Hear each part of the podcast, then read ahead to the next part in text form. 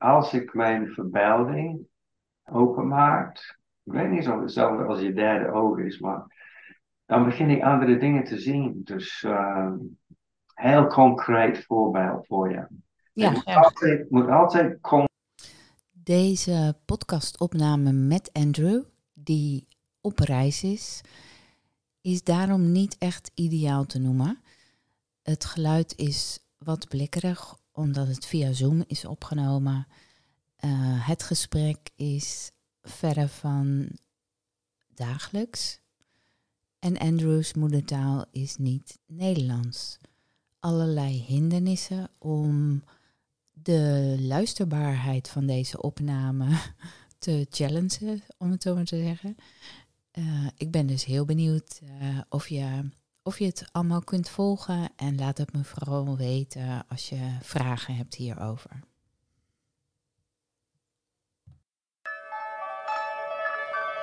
This is something special for you. Carla's Carecast, waarin ik op zoek ga naar de magie van het dagelijkse leven.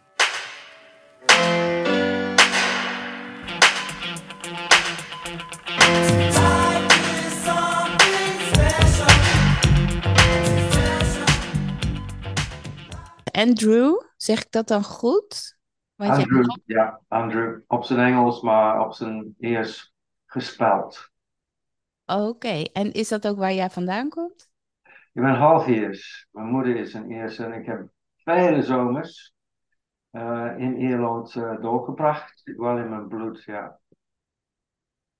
ja. En, en je bent nog steeds zwervende?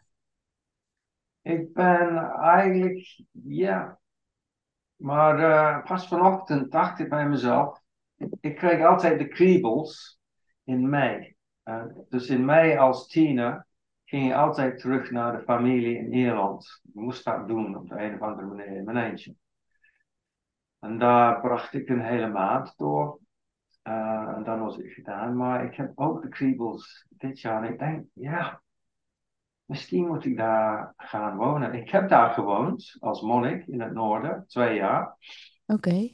Maar uh, dat was in het uh, verre noorden. En dat zijn toch andere lui dan uh, in het zuiden. Ook, ook heel leuk en heel vriendelijk en zo. Maar mijn familie, mijn echte familie, ja is niet de, de moderne Ieren of zo. Mijn familie, die zijn in, um, in de aarde, in de aarde van Ierland. Ik voel zo'n sterke verbinding daarmee. En ik heb ze ook um, door innerlijke reizen ook ontmoet. Dus uh, ik weet het zeker dat, ze, dat, dat ik uh, met ze verbonden blijf. Ja. Ja. Okay. Het is een hele warme, hele warme um, verbinding, zeg maar. En jij zegt, jouw familie zit in de aarde. Ja. Dus die is totaal verbonden met Ierland. Uh, nou, die zijn niet beperkt aan wat dan ook. Op de hmm. fysieke vlak, zeg maar. Maar er is toch iets, iets speciaals in Ierland, ja. Daar voel ik me thuis. En ik heb het nu over um, een oude eerste ras. Uh, die heette de uh, Tuatha Danann. Een soort fairy race eigenlijk. Uh, maar dan moet je niet aan kleine dingetjes in de lucht denken. Die, die rondvliegen, fladderen. Maar aan, aan uh, een ras. Een soort... ja, de kinderen van uh, van Anu, ja, die zijn er wel. Ik snap het ook niet, maar die zijn er wel. En, uh, Want heb, dus je, heb je het nu over mythische wezens? Nee, echte. Ja, maar ook, er zijn veel mythen over ze.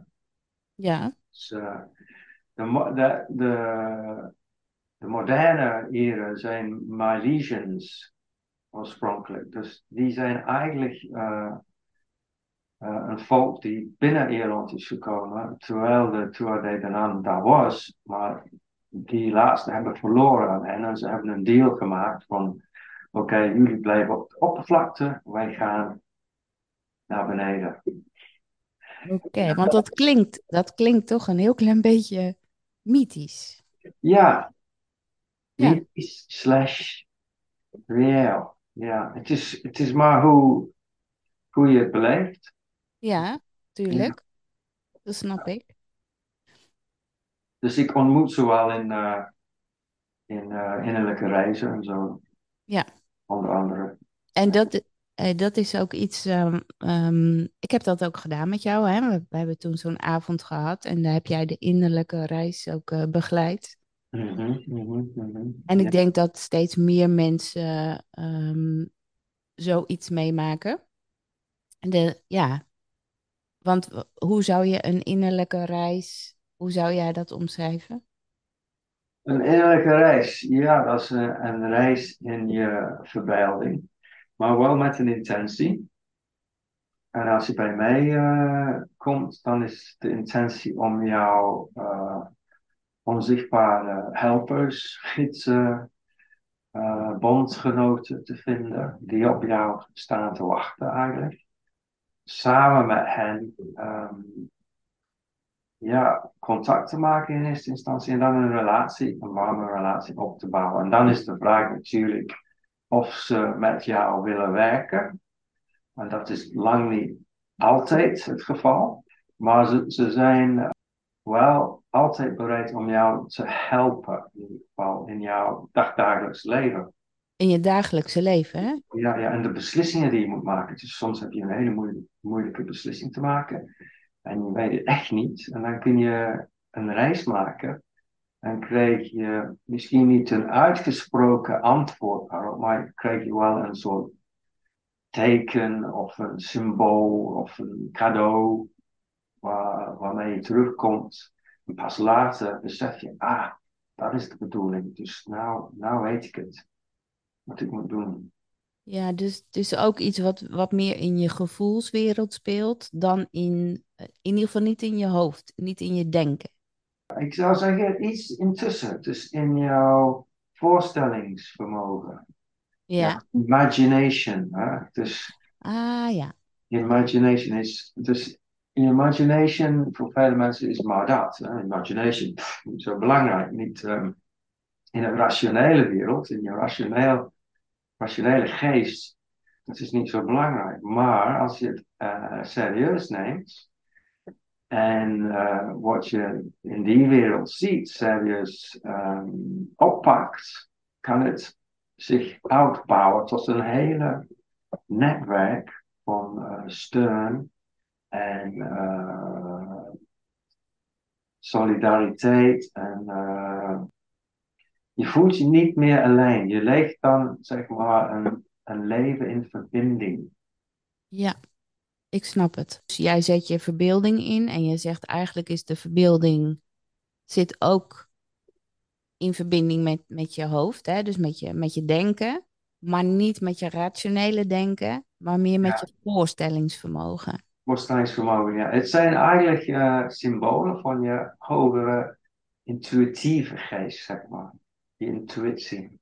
Is dat dan ook de plek, zeg maar, waar je inspiratie binnenkrijgt? Ja, absoluut. Absoluut. En waardoor de spirit binnenkomt, hè. Inspiratie, ja. Inspiratie, ja precies. Creativiteit, creativiteit, ja, dat alles. Oké. Dus dan gaat er wel weer een hele wereld voor je open als je dat leert eh, Ja. te, te contacten. En, ja, en wat heel speciaal is, is eh, de, degene, de mensen, of de, wat, wat het ook is, die je wel ontmoet, als ze, zij met jou wil werken, ja, gaat je, je leven een andere wending krijgen. Hey Andrew, is dat dan bijvoorbeeld ook dat iemand zegt, ja, ik hoor stemmen in mijn hoofd? Dat is like schizofrene ook, hè? Dus ehm, Ja, maar wat is, wat is dat eigenlijk? ja, wat is dat? Ik, nou, wat ik al zei, intuïtie. Dus ehm, het zal wel automatisch een vriendelijke stem zijn. Het zal heel zachtjes zijn. Het is meer, ik zie veel meer dan ik hoor. Als ik mijn verbeelding openmaakt. Ik weet niet of hetzelfde als je derde oog is, maar dan begin ik andere dingen te zien. Dus uh, heel concreet voorbeeld voor je. Ja, het moet altijd, moet altijd, concreet zijn. Hè? Dus als je beslissingen te maken hebt of uh, als je in um, communicatie met zulke wezens bent, dan moet je het concreet maken. Moet je concreet en specifieke vragen stellen om te zien ja, of, het, of het klopt, of, uh, of ze echt uh, iets nieuws te bieden hebben. Concreet voorbeeld. Ik ging naar Glastonbury om mij aan te melden voor een, uh, een baan daar. Ik, ik moest twee keer daar overnachten en ik kreeg interviews en zo. ik was twee keer in um, in de Chalice Garden. De tweede keer was ik vroeg opgestaan en had ik een hele plek voor mezelf. Ik ging naar de, de Chalice Well, bron daar, die, uh, die nogal uh, heilig is en speciaal en zo. Ik stond daar tussen twee bomen en ineens zag ik een, een vriend van mij, zeg maar, een bondgenoot van mij. En hij, hij ziet eruit een beetje als de groene man. Oké, dus dat is niet een levend persoon. Maar nou, dat... Voor mij wel, voor mij wel. Voor jou wel, maar Ja, niet iedereen ziet hem. Nee, nee, nee, maar voor mij wel. En uh, dus ik, ik, ik vroeg me af, ja, is dit echt iets voor mij om hier uh, de retreat manager te worden? En uh, ik keek naar rechts en hij was daar en hij ging zo doen. Ja, yeah, it's okay. Hij was niet onder de indruk. En ik, toen wist ik het. Ja, ik kon het loslaten. Die baan was niet voor jou. Denk het niet. Nee, Nee. denk het niet. Ik kwam heel dichtbij, maar dan was ik ja, vijf jaar zeg maar bezig met bezoekers inplannen. En uh, nee, blijkbaar niet. Nee, niet voor mij. En wat ben je toen gaan doen? En toen ging ik naar Portugal. Dat was een beetje de cursus tussen die twee. Niks doen. Blijven in Londen werken, twee banen en zo. Of um, naar Glastonbury. Of naar Portugal. En toen was de keuze makkelijk. Duidelijk, ja, duidelijk. Je, net noemde je ook iets dat ik dacht, oh, daar wil ik ook nog wat over weten. Ja. Jij zei, ik zat in een klooster. Oh ja, ja, ja. ja. Groot deel van mijn leven, hè? dus 21 jaar in totaal. 21 jaar. Ja. En in, uh, dus ik was in uh, dezelfde orde, maar ik was in drie abdijen. De eerste abdij was in um, Engeland, acht jaar. Dan twee jaar in Noord-Ierland en dan elf jaar in, uh, in Nederland, in Zundert onder Breda. Ah, zo ben je hier terecht gekomen. Ja, zo kan ik Nederlands praten. Oh, dat is grappig. Zundert. Dus toen ik aankwam kon ik geen ja of nee zeggen in het Nederlands, maar bij mijn vertrek was ik al twee jaar bezig um, meditatie, weekenden, retreats te geven aan de gasten in het Nederlands. Maar je bent daar uitgestapt. Ik ben er wel uitgestapt, ja. Oké. Okay. En dat was ook een moeilijke beslissing? Of? Dat was, ja, ik was niet van plan om uit te stappen. Ik zei altijd bij mezelf, ja, ik kom, ik kom hier uit in een kist. Hè. Maar um, ja, dat was niet de bedoeling dat ik. Uh, ik, ik wilde. Het is een heel verhaal. Ik weet niet hoe interessant je het vindt, maar ik wilde niet echt monnik worden in de eerste instantie. Maar. Het was paaszondag 2009 in het bos. Ja, ik stopte om een steen op te rapen van de grond. En op dat moment iets gebeurde. Ik besefte dat God, met dus mijn godsbeeld is veranderd ineens. God, of wat dat ook is, onvoorwaardelijke liefde is. En onvoorwaardelijke liefde betekent dat je hoeft niks terug te geven. Het is gegeven. En dat kende ik niet. Vanuit mijn huis, van mijn familie en uh, ik kende alleen maar voorwaardelijke liefde. Dus als je iets krijgt, als je liefde krijgt of liefde wil ontvangen, moet je een goede jongen zijn. Of moet je gras maaien iedere weekend. Of moet je bla bla goed op school zijn. Bla bla bla. bla. Je moet er iets voor doen. Iets voor doen. Uh, Ja. Dat was altijd het geval. En ik kende niks anders. Voor mijn intrede kreeg ik wel een hele grote, voor mij in ieder geval, mystieke ervaring. En ik wilde die liefde die ik toen voelde, onvoorwaardelijke liefde, maar dat kende ik niet. Uh, ik wilde in contact daarmee uh, ja. Dus ik dacht, oh, dan moet ik volledig 100% teruggeven. Wilde ik heel graag ook. Maar het hoefde niet. Dat, dat had ik niet door. Dus ik dacht toen, oh, dan oh, moet, ik, moet ik religieus worden. Ja. Uh, dat vond ik niet zo leuk. Maar van binnen was ik aangeraakt door een vlam van liefde. Ja.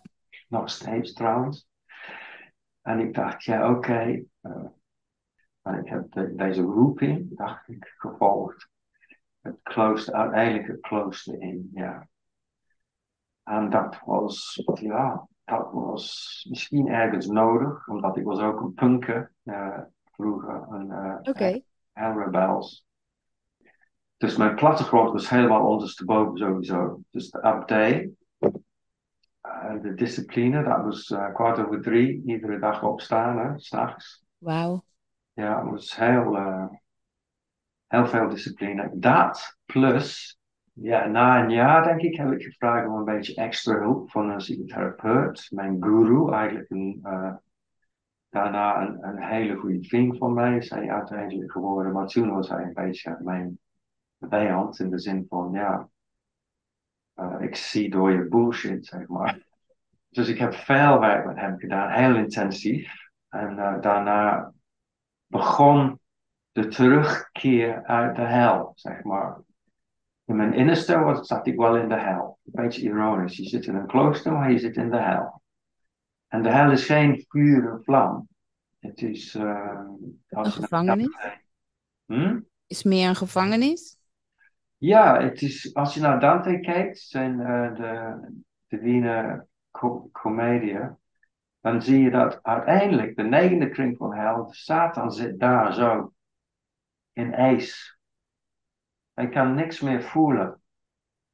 Hij is gefrustreerd. Mm Hij wil iets voelen, maar hij kan het niet. Dus door anderen probeert hij dingen te voelen. Maar dat gaat niet. En, maar in de hel is nog altijd uh, deze hele kleine, maar allemachtige vlam van liefde. En als je dat ontdekt in, in de dus de Satan, zeg maar, staat symbool voor je afgewezen zelf. Alle dingen die je niet in jezelf wil uh, verwerken, aankijken, ervaren, bla bla bla. Daar zit het dan, al de rommel.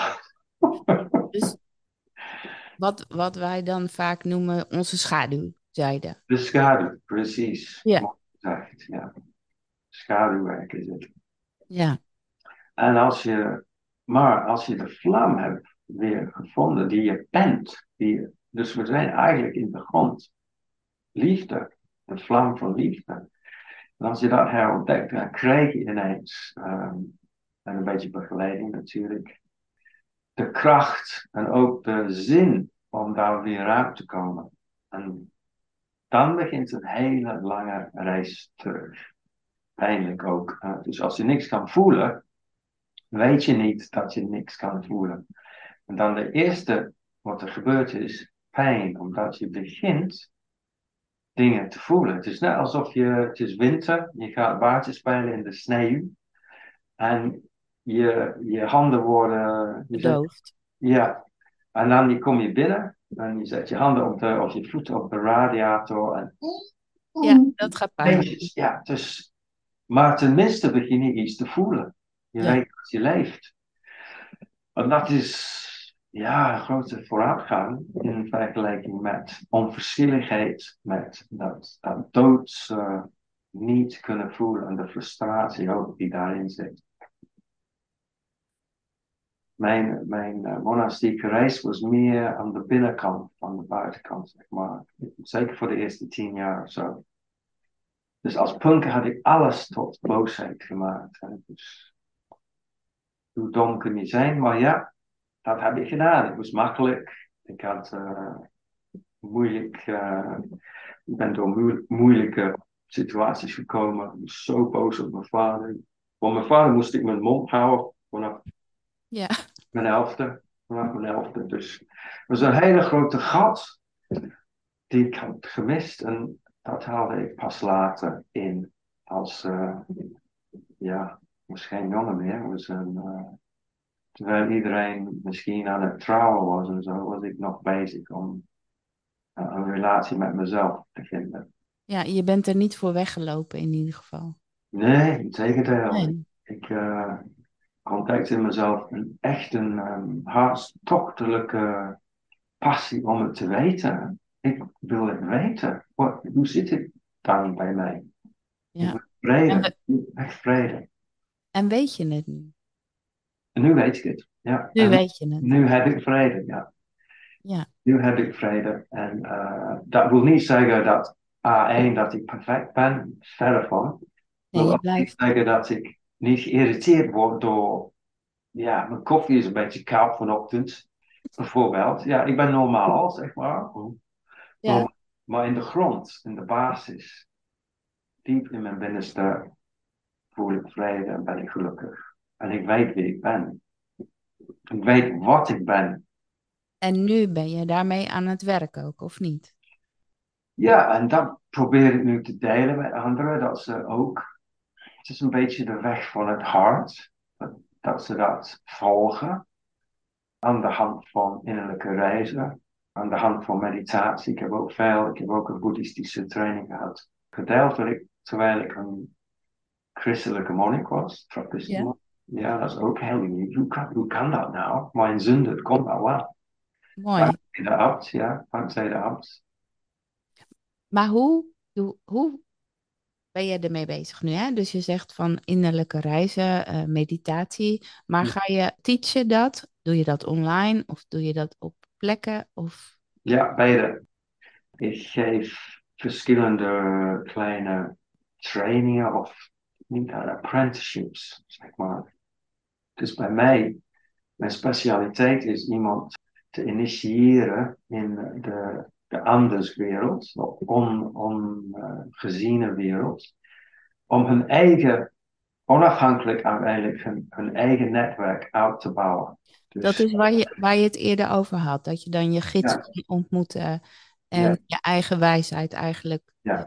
daarmee ook kunt aanboren. Dat vind ik heel boeiend en uh, ik zie mensen echt groeien en knopen doorhakken, uit een relatie komen of een baan verlaten levensveranderende dingen. Ik geef ook uh, een cursus in uh, drakenenergie. ja, wat is dat? Leg dat eens uit. Ja, het is wel best wel pittig. Het is een totaal verandering in je mindset eigenlijk. Je ontdekt je eigen kracht, maar het is meer dan dat. Het is je eigen majesteitelijkheid. Is dat Nederlands? Jouw, uh, jou, jouw grootsheid. Dat is een energie die kan zich uitzetten, maar ook heel gefocust worden. Het is ook, het is niet immoreel, maar het is wel amoreel. Dus je gaat dingen anders bekijken. Dus dat wil zeggen, ja, mensen hebben morele ideeën en taboes over hoe, hoe iedereen moet zich gedragen. Vanuit deze energie ga je misschien door de grenzen heen kijken. Om te zien waarom is die grens daar nou? Is het alleen maar angst? Dus je gaat je angst aan. En ik verbind het wel met uh, de Tibet Tibetaanse traditie, wat heet crazy wisdom. En dat is niet alleen maar gek doen, dat is ook een manier van door geestelijke materialisme heen te snijden. Als ik het goed begrijp, hè, jij zegt crazy wisdom, hetgeen wat je dus niet kan weten, waar je dan toch terecht gaat komen. Je kunt wel zeggen dat het spontaan is. Dus. Wat is het? spontaan. Het gebeurt Spontaan. wat, ja, het gebeurt in het moment. Dus het is niet iets dat je, waarvoor je kunt je voorbereiden. Wel in de zin van het, het, uh, het ontstaat, het ontvlamt uit een lange kennismaking met soberheid, met discipline, met um, uh, jezelf leren kennen, met ja, de, de discipline van het dagelijkse leven, zeg maar. Kitchen sink sanity. Je Dus gaat dat- daar niet omheen. Dus je komt uh, daardoor, zou, zou ik zeggen. Het ontvlamt een keertje. En dan ga je met de dingen spelen.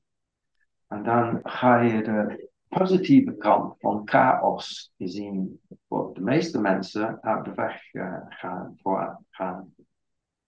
En dan voel je je thuis overal en wat er ook gebeurt.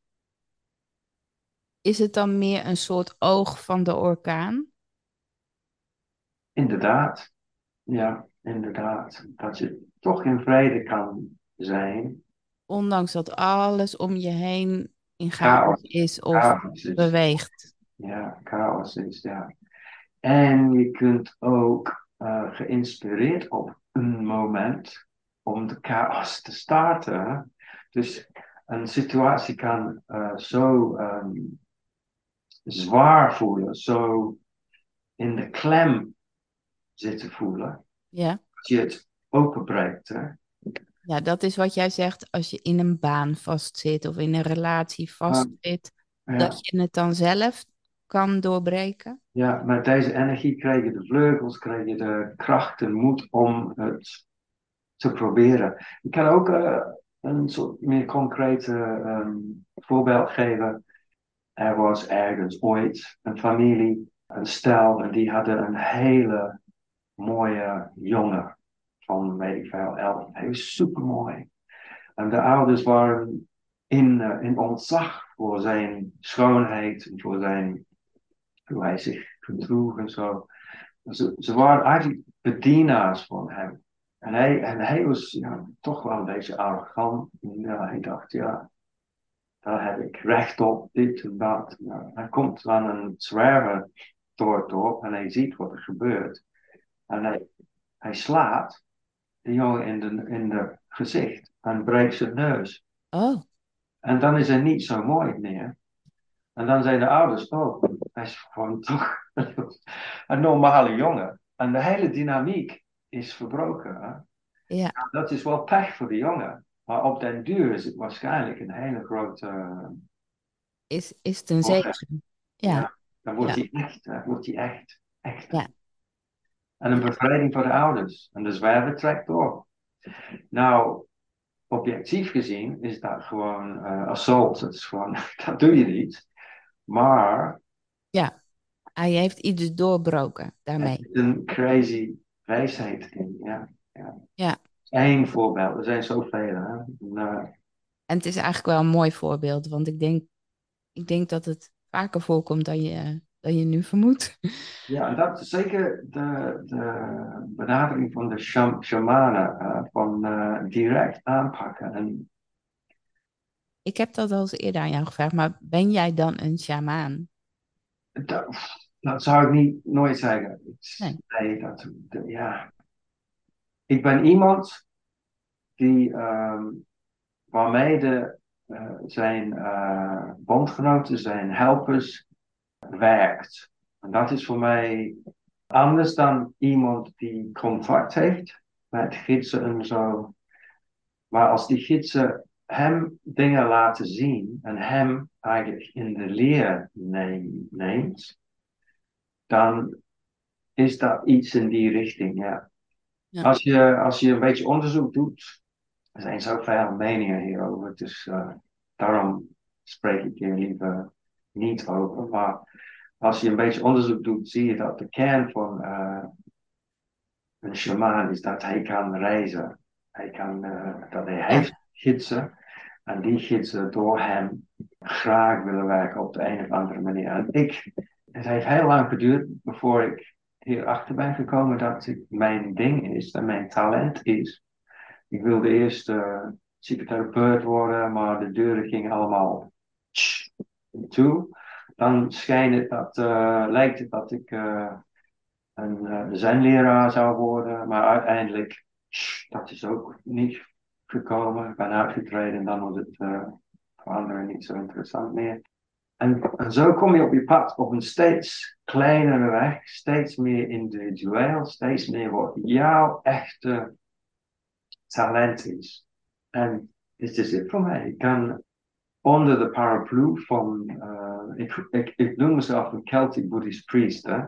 Onder die Celtisch, Celtisch Boeddhist. Priest, priester, ja. Keltische Boeddhistische priester. Ja. Ik was uh, in Amerika, eigenlijk zes maanden denk ik na mijn uittreden, ingewijd in als Celtic Boeddhistische priester. En dat is een hele brede paraplu.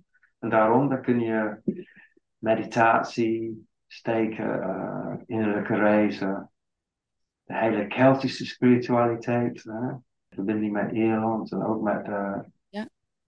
de wezens die daar zitten. En ja, het komt allemaal bij elkaar onder dat, dat petje. Welke mensen komen er naar jou toe? Allerlei soorten mensen. Ja? Meestal is het on, op aanbeveling van iemand anders. Oké, okay, ja. Of contacten. Vooral, ik had een, uh, vlak voor COVID had ik een hele succesvolle uh, jaar of drie, vier. Uh, regelmatig workshops te geven in Duitsland. Ik ga dat weer proberen dit jaar, maar we moeten nog zien naar de COVID-tijd en ook alles is veel duurder. Dus. Jij, jij biedt dan aan om in contact te komen met je gidsen. Ja, ik help ze een eigen netwerk vinden, een eigen vrienden en um, uh, allies vinden, bondgenoten en gidsen en helpers vinden. Het is, het is voornamelijk dat eigenlijk. Het is een soort apprenticeship. Natuurlijk, om die te helpen en om die te kunnen horen, moet je een beetje in het reinen zijn met jezelf, met je hart. Ja.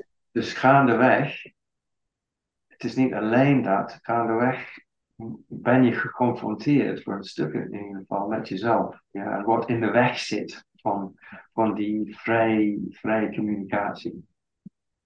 Oké, dus jij, jij helpt in principe ook door dat stuk heen je weg te vinden.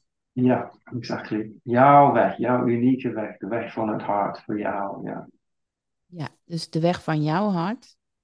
Ja. Mijn, mijn hart. Ja kun jij in begeleiden om die te vinden? Ja, ja, ja, dat is hem, dat is hem. Aan de hand van, ja, shamanistische werk, in reizen, aan de hand van meditatie, aan de hand van uh, ja, gesprekken en misschien ook een beetje kunst of uh, schrijven. Of, uh, het is aan jou, het is jouw weg en jij gaat voorop en ik ondersteun je daarin. Maar het is wel echt een weg. Het is niet een eenmalige workshop en dan is het klaar. Voor, voor sommige mensen is dat zo, omdat ze dat niet willen of uh, het is niet gelukt. Voor anderen kan het hun hele leven veranderen, ja. En dat ligt een beetje aan de andere kant. De, voor bondgenoten je ontmoet, of uh, voor, voorvaderen, of uh, de boodschappen die uh, zijn die doorkomt, jou doorkomen. Dit alles in een setting van, ja, ik moet met de persoon kunnen werken en zij met mij. Dus er is wel aan de basis is een liefdevolle openheid, aandacht en tijd. Dus de twee kostbaarste dingen die ik zelf heb ontdekt door de jaren heen, is dat eindelijk iemand kijkt naar jou Eindelijk geeft iemand jou alle tijd, hmm. alle ruimte om wat in jou al zit, naar boven te laten komen en erkend worden. Dat kun je alleen met iemand anders. Met iemand die je vertrouwt. Mooi omschreven. Ja. Dat is misschien waar, waarover het echt gaat. Ja, maar gaat het misschien altijd wel over? Nou ja, ik denk het wel. Je hebt gelijk. En de wereld, ja, op het moment is zo snel en zo agressief. Dat is snelheid, agressiviteit. En zo, uh, ja, hard eigenlijk. We zijn hard voor elkaar. Dat uh, als je iemand vindt die graag bij jou is en jou kan uh, luisteren naar jou, dan is dat goud waard. Ja, dan denk ik toch gelijk weer aan, aan ja, toch een soort van ouderschap, een soort, um, ja, zoals je je kinderen eigenlijk ook wil begeleiden als ze klein ja, Precies, ja. ja. Ja. En het is op de innerlijke kind, het innerlijke kind gericht natuurlijk. Dus de eerste relatie, laat staan al die relaties, om, ja, die vriendschappen met je allies en uh, helpers en zo. De eerste relatie is met jezelf. Dus dat houdt in dat de volwassen zelf, de volwassen Andrew, moet een goede relatie hebben met het kind die nog altijd in ons leeft. Die is eigenlijk, die heeft al de verbeelding. Die heeft het leven, die heeft de, de energie, die heeft alles. Maar kan, die is ook een beetje gek soms. Die heeft ook bescherming nodig van, van de volwassen Andrew. Maar wat gebeurt in het leven is dat, uh, omdat in het begin het kind zo onschuldig is, nou, misschien naïef en probeert alles uit, loopt het wel uh, blauwe plekken op. En dan komt de, dan krijgt de volwassen Andrew uh, stem en zegt: Nee, dat moet je niet doen, dat moet je niet doen, dat moet je dat is niet goed, nee, nee, dat En dan het kind verdwijnt naar de kelder. Je kunt ook zeggen naar de hel ook. Er wordt soms, als dat heel erg is, en dat was bij mij, en die heel gekwetst ben geworden, dan gaat hij op slot. Een volwassen staat dan op de, als poortwachter in een kasteel, hè, een gevangenis voor dat kind. En dat kind moet naar buiten komen als jij gelukkig wil worden. Ja. En ontvangen leven. Ik stel me dat niet zozeer voor als een kasteel. Ik had me dat altijd voorgesteld als een kast. En dat kind kruipt weg in de kast. Ja. Het enige wat je kan doen is hem weer uitnodigen eruit te komen. Ja. ja. En dat loopt best met iemand anders, maar niet de eerste de beste natuurlijk, met iemand die, uh, die je vertrouwt. En dat moet hij winnen, of zij winnen. Ja. Door jou de ruimte en de respect te geven dat het niet over zijn leven gaat, maar over de jouwe. En alleen over de jouwe eigenlijk. En dat is de discipline en de kunst, denk ik, van iemand begeleiden. Dat ze de begeleider in eerste instantie is maar een aanwezigheid, een scherm waarop jij jouw wereld kan projecteren. En dan zie je dan, heb je een kans om te zien dat je toch meer gevangen zit dan je dacht. Ja, dat is een beginpunt dan. Ja, dus als je zelf nou wakker en bewust genoeg bent, dan kan iedereen dat klankbord, dat, die spiegel zijn. Ja, ja. Maar als je, de, als je daar nog niet bent zelf, dan heb je iemand nodig die daar jou bewust van kan maken. Absoluut. Als je, als je in balans met jezelf komt, volwassene en kind, dan ja, iedereen kan jou uh, een beetje een beetje toevlucht voor je zijn. Maar als het uh, voor het eerst uh, naar buiten komt, uit de kast komt, dan is het heel pril en heel onzeker. En het is misschien een totaal andere stem. Kan het ook zo klinken. Van, oeh, ik weet niet waar ik ben. Wat, ja. En dan is het heel goed dat iemand daar is. Om te zeggen, hier en nu in ieder geval ben je veilig bij mij. En geleidelijk aan zul je sterke benen krijgen en een sterkere stem. En dan komt het volwassene met het kind meer in verbinding en dat wordt een mooie relatie. Volwassene wordt gelukkiger en het kind. Ja, ja. En dat, even voor alle duidelijkheid, zit in één persoon. In één persoon, ja. ja. Zonder dat je schizofreen ja, ja. Nou, we zijn allemaal een beetje schizofreen, dus... Uh, is wel zo. Ja, daarom is de, bijvoorbeeld in de band van de ring uh, van Tolkien en de, de Gollum, die met zichzelf praat. Ja. Ja. Zo'n kunst, zo inzichtsvol. Hè? There are frenzies, there are frenzies. No, I hate them. Ja. Ja. Nu klink ik een beetje gek, maar goed. Nee, ja, ja, maar eerlijk gezegd, eh, ik, ik kan me niet voorstellen dat er iemand is die dat niet herkent. Ik Nee. bedoel, dat, we hebben het allemaal. En als je het niet herkent, dan is er misschien juist wel echt iets engs. Ja, precies. Dan ben je een beetje dood volgens mij al. Dan zit je in de hel waarschijnlijk. Zelfpraat, hoe je tegen jezelf praat, is heel belangrijk. Hè? Is het een, een stem van kritiek de hele tijd? Of is het liefdevol en is het eh, eh, bemoedigend? Dus Ja. dan kan, kan de kwaliteit van je leven Zeker, zeker. totaal veranderen. hè. Ja. Er is nog iets dat ik eh, voor sommige mensen dat ik, waarmee ik ze help, is ehm, naar een non-dualistische kijk op het leven te, te komen.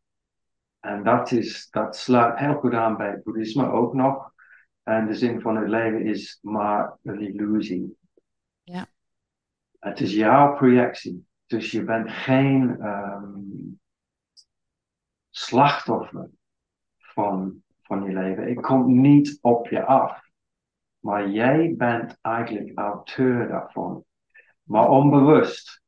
En dan, de kunst is meer om in contact met de inhoud van je onbewust zijn te komen. En dat doe, doe je door innerlijke reizen, maar ook door wat er gebeurt in je dagdagelijks leven. Omdat als dat wel een projectie is, dan krijg je altijd een boodschap Ja.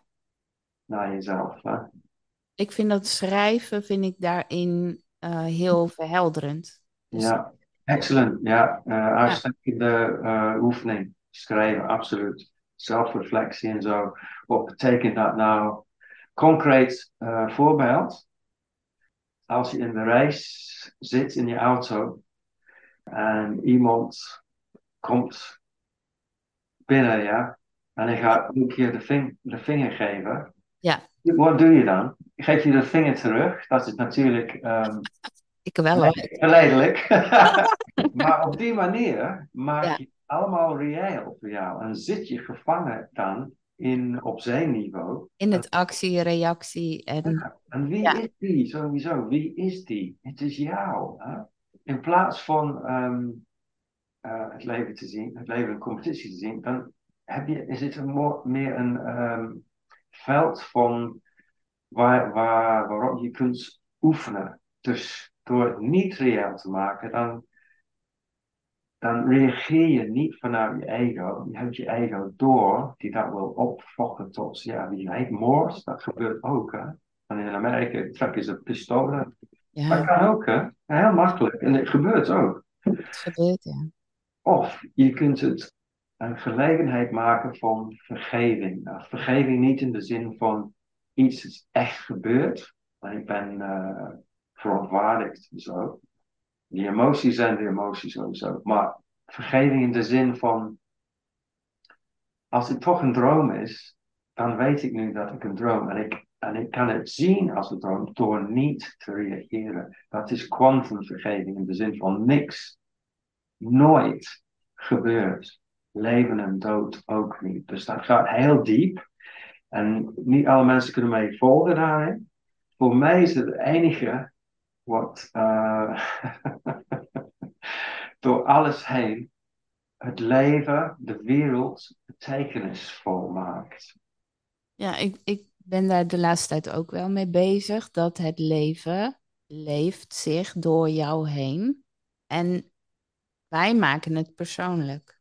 Hè, dus Ja, en daar, daar gaat het fout. Ja. daar, daar gaat het, nou ja, daar gaat het. Er zullen heel veel mensen zeggen, daar gaat het goed, want daardoor eh, zet Ja, in de wereld. Ja, Ja, dus het is, het is voor, ik vind het nog wel eens lastig om die balans te, voor mezelf te vinden. Want Mhm. ik ben hier om iets uit te drukken, denk ik dan, op mijn manier. Maar Ja. om het tegelijkertijd wel door me heen te laten komen. Dus ja. ik mag het wel uitdrukken, maar ik hoef het niet persoonlijk te maken.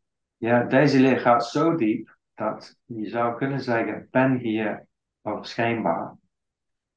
Maar eigenlijk, als het wel een droom is, dat is inbegrepen mijn lichaam en wie ik denk dat ik ben. Hm? Ja, dat is ook onderdeel van de droom. Maar dat wil niet zeggen dat je niet bestaat, maar je bestaat dan als iets anders. En dat, dat is meer een wat dan een wie. Dus wat jij zegt was heel raar over alles persoonlijk nemen. Dan kom je heel snel in botsing met andere mensen die dat ook denken. Dat zijn afgescheiden deeltjes van jezelf sowieso. En je kunt die allemaal één maken door afstand te doen van wie je denkt dat je bent. En meer te rusten in wat je bent, die alles bedekt. Hè. Daar alleen vind je de vrede. Alleen daarin. Ja. En dan nog, uh, is het niet alsof je een boeddha wordt of zoiets. En dus gewoon Nou ja, dat is. Dat door is alles. Ja, ja, precies. precies. Nee, het is meer dat je durft veel meer te leven. Je durft eh, risico's eh, te nemen. Kijk naar mezelf. Ik doe gekke dingen. Ik, reis rond. Eigenlijk moet ik een ja, huisje, boontje, beestje of zoiets proberen te vinden. Maar nee, ik durf. Dat is ook heel boeddhistisch in de zin van het leven onderzoeken. Wat is het nou? Wat, waar gaat het over eigenlijk? Het dagelijkse sleur en ehm, Ja. de gevangenis van, van ouder worden of ziek worden of opstaan of eten en Werken. scheten en ja, en, en wassen en douchen en al die. Ja. Het is een gevangenis in een zekere zin.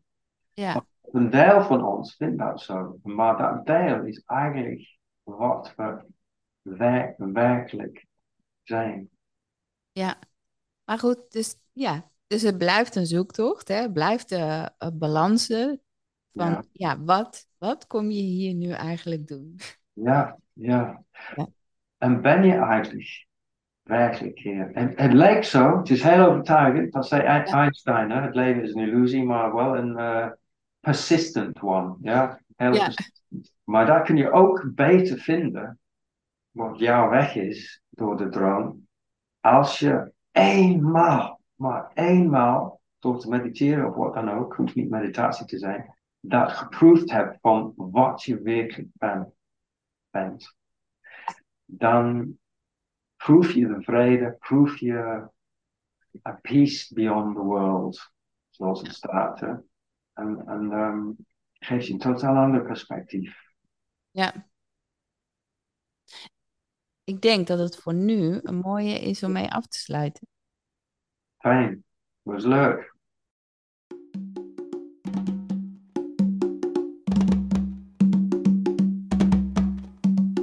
Dank je wel voor het luisteren naar deze podcast. In de beschrijving geef ik alle linkjes naar websites en namen die belangrijk zijn vanuit deze aflevering. En in je podcast-app kun je op puntjes duwen, ehm, pijltjes, plusjes. Doe dat vooral. Geef een beoordeling. Volg deze podcast. Deel hem met iemand die ook geïnteresseerd zou kunnen zijn. En dank je wel daarvoor. Tot gauw.